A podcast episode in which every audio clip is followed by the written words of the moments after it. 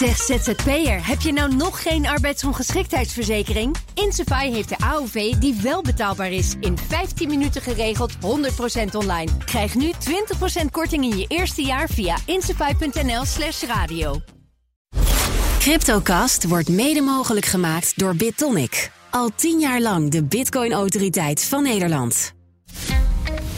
Blijf scherp. BNR Nieuwsradio. Cryptocast.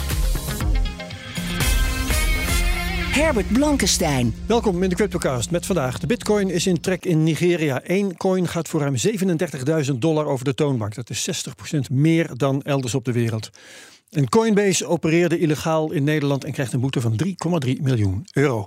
Dit is aflevering 257 van de Cryptocast met nu een half uur crypto nieuws op de radio. En daarna gaan we door als podcast over een Bitcoin-eiland in de Filipijnen met Arnold Hubach. Welkom. Dankjewel, goedemiddag. Je bent medeoprichter van Bitcoin Focus en redacteur van Bitcoin Magazine NL. En mijn co-host vandaag is Daniel Mol, redacteur van de Cryptocast en van BNR Digitaal. Hoi, Goedemiddag Herbert. Hallo. Wij geven geen beleggingsadvies, vorm je eigen mening, maak je eigen keuzes. Geef ons niet de schuld, crypto kan lucratief zijn, maar is ook riskant. Om te beginnen gaan we het hebben over Nigeria. De bitcoin-adoptie lijkt daar al maar sneller te gaan. Mede door een nieuwe beslissing van de centrale bank is bitcoin nu 60% duurder in Nigeria dan elders op de wereld. Daniel, um, 37.000 dollar voor één bitcoin. Ja, je kunt het leuk vinden of vervelend, maar het is een groot verschil. Waar komt dat vandaan? Nou ja, het is denk ik voor Nigerianen vooral vervelend, want het is daar gewoon ja. hartstikke onrustig. Um, je had het net over de, een nieuwe beslissing van de centrale bank. Nou, dat is nogal een paardenmiddel, want dat is gewoon een keiharde opnamelimiet bij de pinautomaat. Ja, een beetje een, een, een hoe heet dat, Celsius-effect. We gaan de, ja, ja nee, precies. Als je, gaan we even stoppen. als je de deur dicht doet, dan wil iedereen die deur uit. Want ja. dan is er een soort van paniek ontstaat. En nou ja, ik zou bijna dus, denken dat de centrale bank op het punt van omvallen staat. Ja, nou ja dat, misschien is dat nog niet zo aan de hand. Maar ze, ze, zijn in ieder geval niet zo blij met cash geld. Want ze willen de inflatie uh, zoveel mogelijk beperken. Ja. Uh, en nu is er een opnamelimiet ingesteld van, van 20.000 naira per dag. En dat is ongeveer 43 dollar. Hmm. En ja, als je dan tot een, tot een besluit wil komen om het cashgeld uit te roeien en je doet dan dit, ja, dan kan ik me wel voorstellen dat je zoiets hebt van, nou, dan ga ik als bewoner maar bitcoin kopen bijvoorbeeld, waar de centrale bank niets over te zeggen heeft. Ja, ja maar, maar is dat inderdaad een logisch besluit? Want dan moet je die bitcoin, als je, als je die koopt, dan moet je die ook wel ergens kwijt kunnen, tenminste als je hem koopt om er dingen mee te betalen. Nou ja, kijk, als, je het, als er onderling een economietje ontstaat, dan uh, kan je natuurlijk in een situatie komen dat je gewoon dat ik bitcoin aan jou geef om een brood te kopen. En dat je die hele naira uiteindelijk links laat liggen en je alleen maar je naira's omwisselt voor bitcoin. Ja, dat, dat is dan een oplossing. Ja, ja. oké. Okay, um, maar waarom stijgt dan die prijs? Want uh, de prijs, uh, zoals ik zelf al zei daarnet, is elders op de wereld, uh, nou ja, gewoon op dit moment tegen de 23.000 dollar. Waarom kan een Nigeriaan niet gewoon zijn bitcoin kopen bij Coinbase of iets dergelijks? nou, de, ik denk dat het te maken heeft met regelgeving. Um, en er is één grote beurs, weet ik, in Nigeria. Ja, of met betaalmethoden misschien. Misschien dat hebben ze geen creditcards. Ja, zeker. Of, ja. Maar er is één grote beurs uh, in Nigeria en daar, wordt, daar, word je dus, daar kan je bitcoin kopen in Naira. En de prijs in Naira is dus heel erg veel hoger dan elders op de wereld als je hem vertaalt naar dollars. Dus er, er is gewoon heel veel vraag in Nigeria en er is niet zoveel aanbod. Ja, je hebt natuurlijk peer-to-peer platformen waar de prijs ja. sowieso anders is vergeleken met de echte spotmarkt ja, op de grote handelshuizen. Zo. Ja, precies. Ja, oké. Okay. Het is Arnold uh, Hubach aan, aan het woord. Uh, Arnold, we lezen wel meer dat Nigeria voorop loopt in de bitcoin-acceptatie. Dat is al een tijd lang aan de gang daar. Ze hebben daar ook al, dat gaat van de overheid uit, een werkende central bank digital currency. Ja. Wat maakt Nigeria speciaal op dit gebied? Nou, het leuke is dat je die app dus al gewoon in de App Store en de Play Store ziet. Dus we zijn een van de weinige landen waar die app dus echt al kunt Welke downloaden. Welke bedoel je nu? Uh, de Naira-app, de e-Naira. Dus okay, de, de, de digitale, CBDC. Ja, daar heb je een app voor natuurlijk, ja. Ja, dus die is al in gebruik. Die is al uitgerold. Uh, en tegelijkertijd heb je dus nu uh, limiet op contant geld. Dus probeer het oude geld in te wisselen.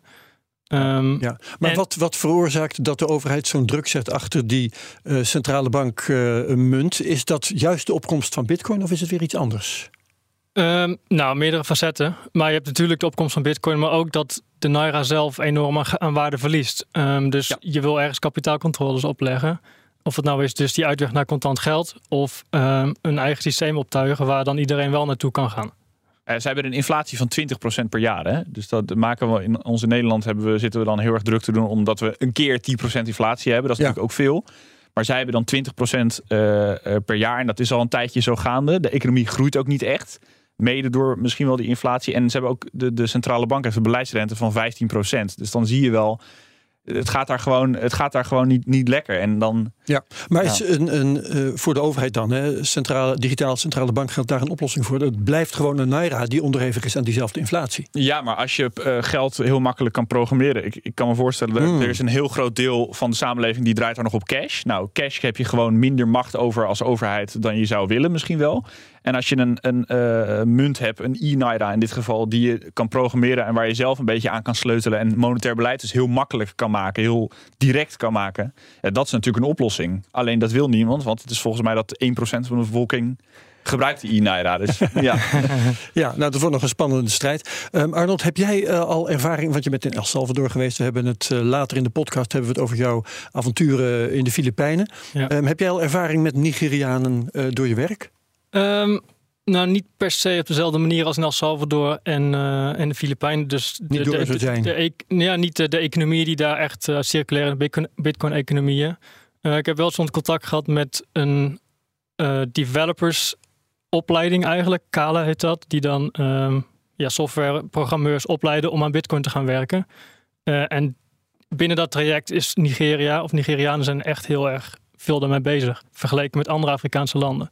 Uh, dus qua developers ja. is er wel heel, heel, uh, hele groei. Ja, en een acceptatie onder de bevolking van uh, rond de 50% of zo, geloof ik. Ik weet ja, het precieze ja. bedrag niet. Maar die weet ik persoonlijk niet, die verhalen. Maar... Nee, nee oké, okay, duidelijk. Daniel, um, de overheid is dus bezig met die uh, e-naira. Uh, heeft te maken met het beteugelen van inflatie. Uh, zijn ze ook actief bezig met crypto te bestrijden? Ja, in 2021 waren sommige Nigeriaanse banken bezig met crypto aanbieden aan hun klanten.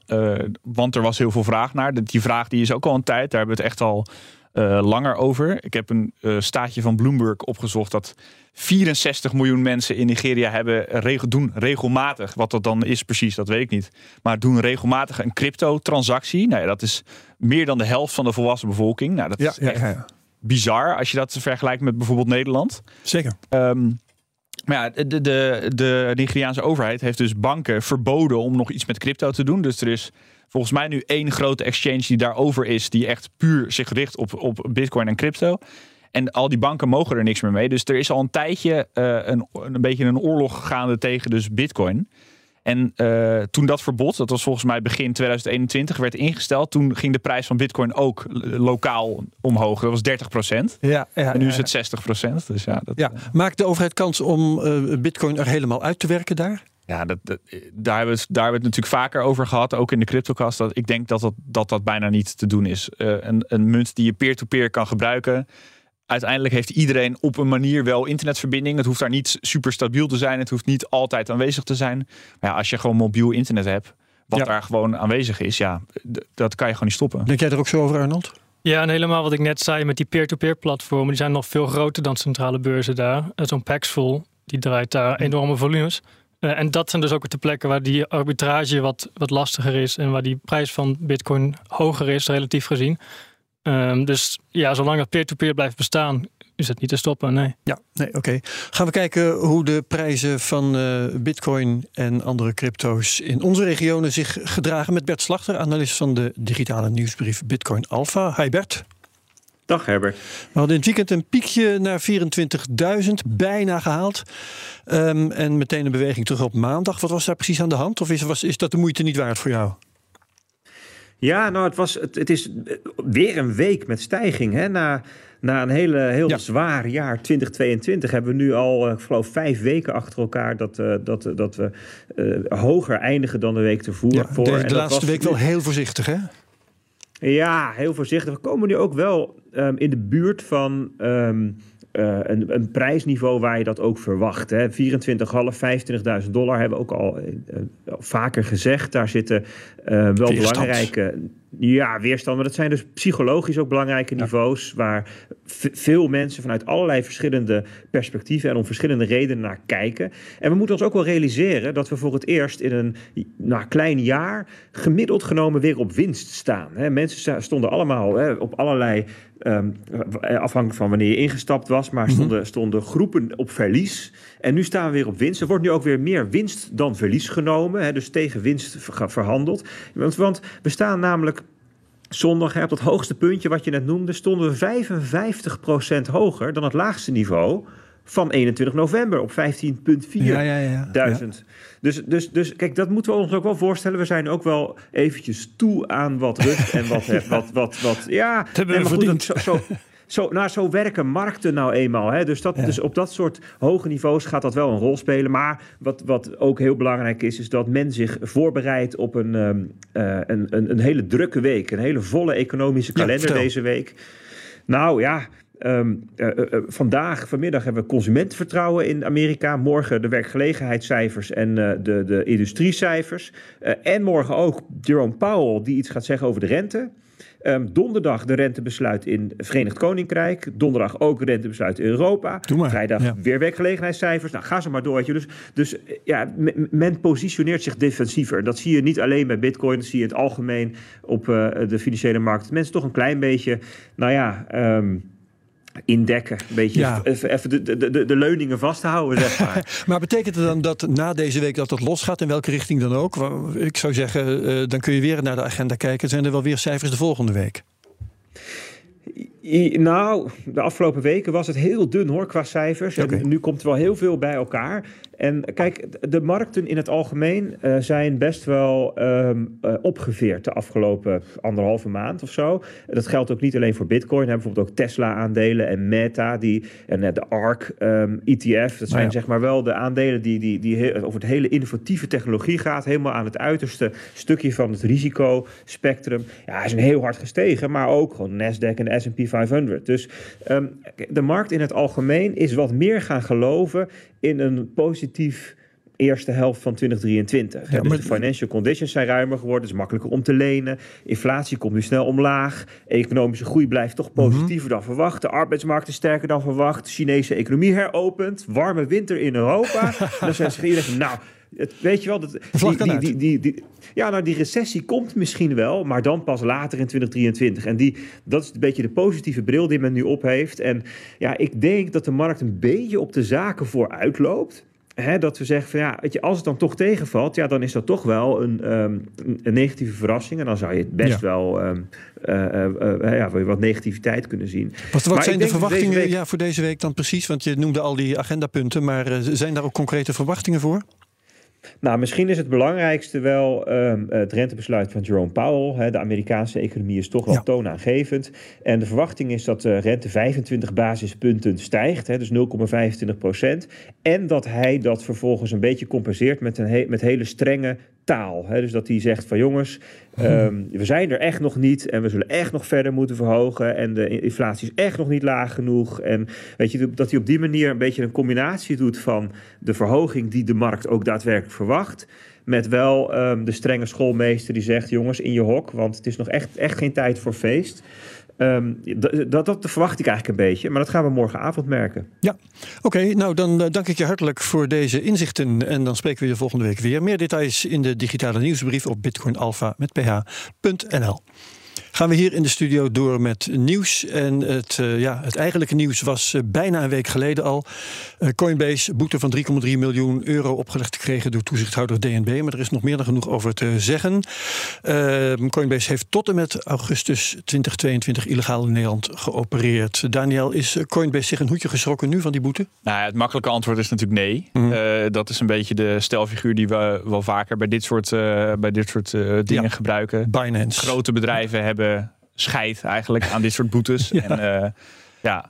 Maar eh, bij Coinbase gaat het ook niet zo lekker meer. Hè? Dat eh, moeten we niet vergeten. Gewoon bear market, naar de beurs gegaan en daarna alleen maar omlaag. bijvoorbeeld ANP schreef in hun, in hun bericht hierover, schreef dan heel stoer van ja, vorig jaar hebben ze 7,8 miljard omzet eh, gehaald, waarvan 3 miljard winst. Ja, dat is nu helemaal weg. Ze hebben de, de analisten voorspellen 3,2 miljard omzet en geen winst. Mhm.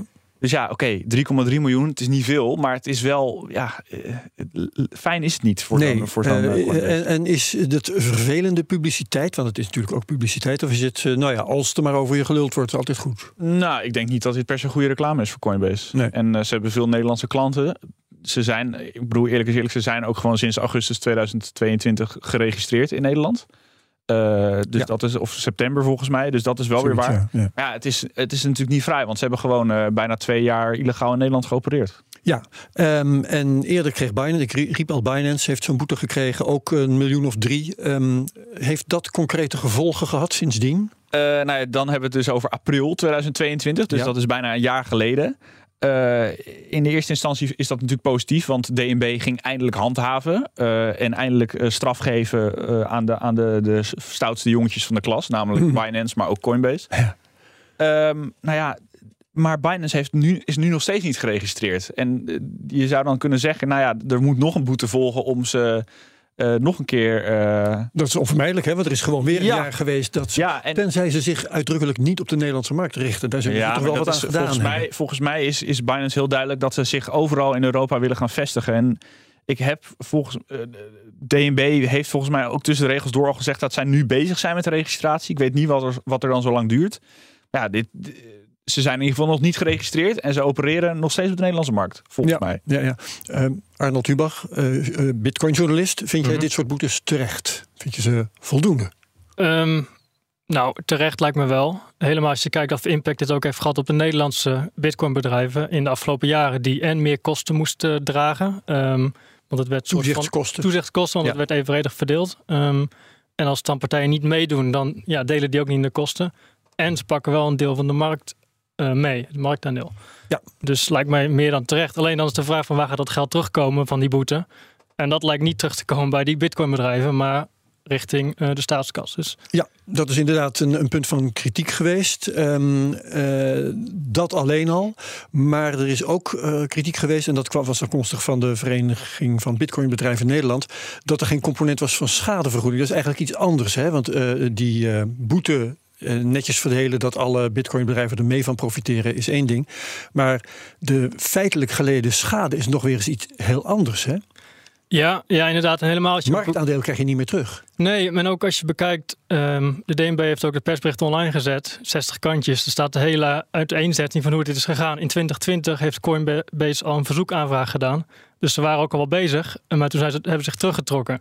Dus het is ook niet zo dat ze niet wisten van zo'n registratie. En Ja, ja, dus ja. gewoon achter de feiten aanliepen. Maar ze waren ermee bezig, maar ze zijn er vanaf gestapt. Ehm, dus dan, ja, vind ik dat toch wel qua schade. eh, Ja, maar de, de, de, Daniel, de wet eh, staat waarschijnlijk niet toe dat ehm, de Nederlandse bank ze harder aanpakt dan ze hebben gedaan. 4 miljoen is geloof ik het Ja, maximum. en DNB meer. mag, maar een, een maximaal boete inderdaad geven van 4 miljoen. En dan zitten er ook nog allerlei dingen. Bijvoorbeeld Coinbase heeft nu 5% korting gekregen. Omdat ze wel eh, de intentie hadden uitgesproken om zich te registreren. Nu, Ja, nu, dat is- haast u. Ja. Ja, dat is, eh, dat is hartstikke fijn. Ehm, maar dat is precies, dat is precies eh, eh, waar, de, waar de schoen hier knelt. En het is, ja, eh, wat Arnold ook terecht zegt, het is gewoon best wel oneerlijk de laatste jaren geweest. Want de, de Nederlandse Ja. bedrijven hebben zich als, als de wiede weer moeten registreren. Toen dat in mei 2020 eh, van kracht werd. En Coinbase en Binance en zo, die hebben allemaal gedacht van joh, dat, dat, dat komt wel, dat komt wel. En nu krijgen ze dan een boetetje. Ja, Nou ja. ja. Patrick van der Meijden sprak ik eh, vanmorgen nog ehm, van de eh, voorzitter van de Vereniging van de Bitcoinbedrijven. En die zei op- in de kansspelsector ehm, zijn eh, kansspelen, sorry, aanbieders van kansspelen die illegaal op de markt hadden geopereerd, zijn verordoneerd om maar gewoon even een half jaar of daaromtrent, een paar maanden, geen Nederlandse klanten te bedienen.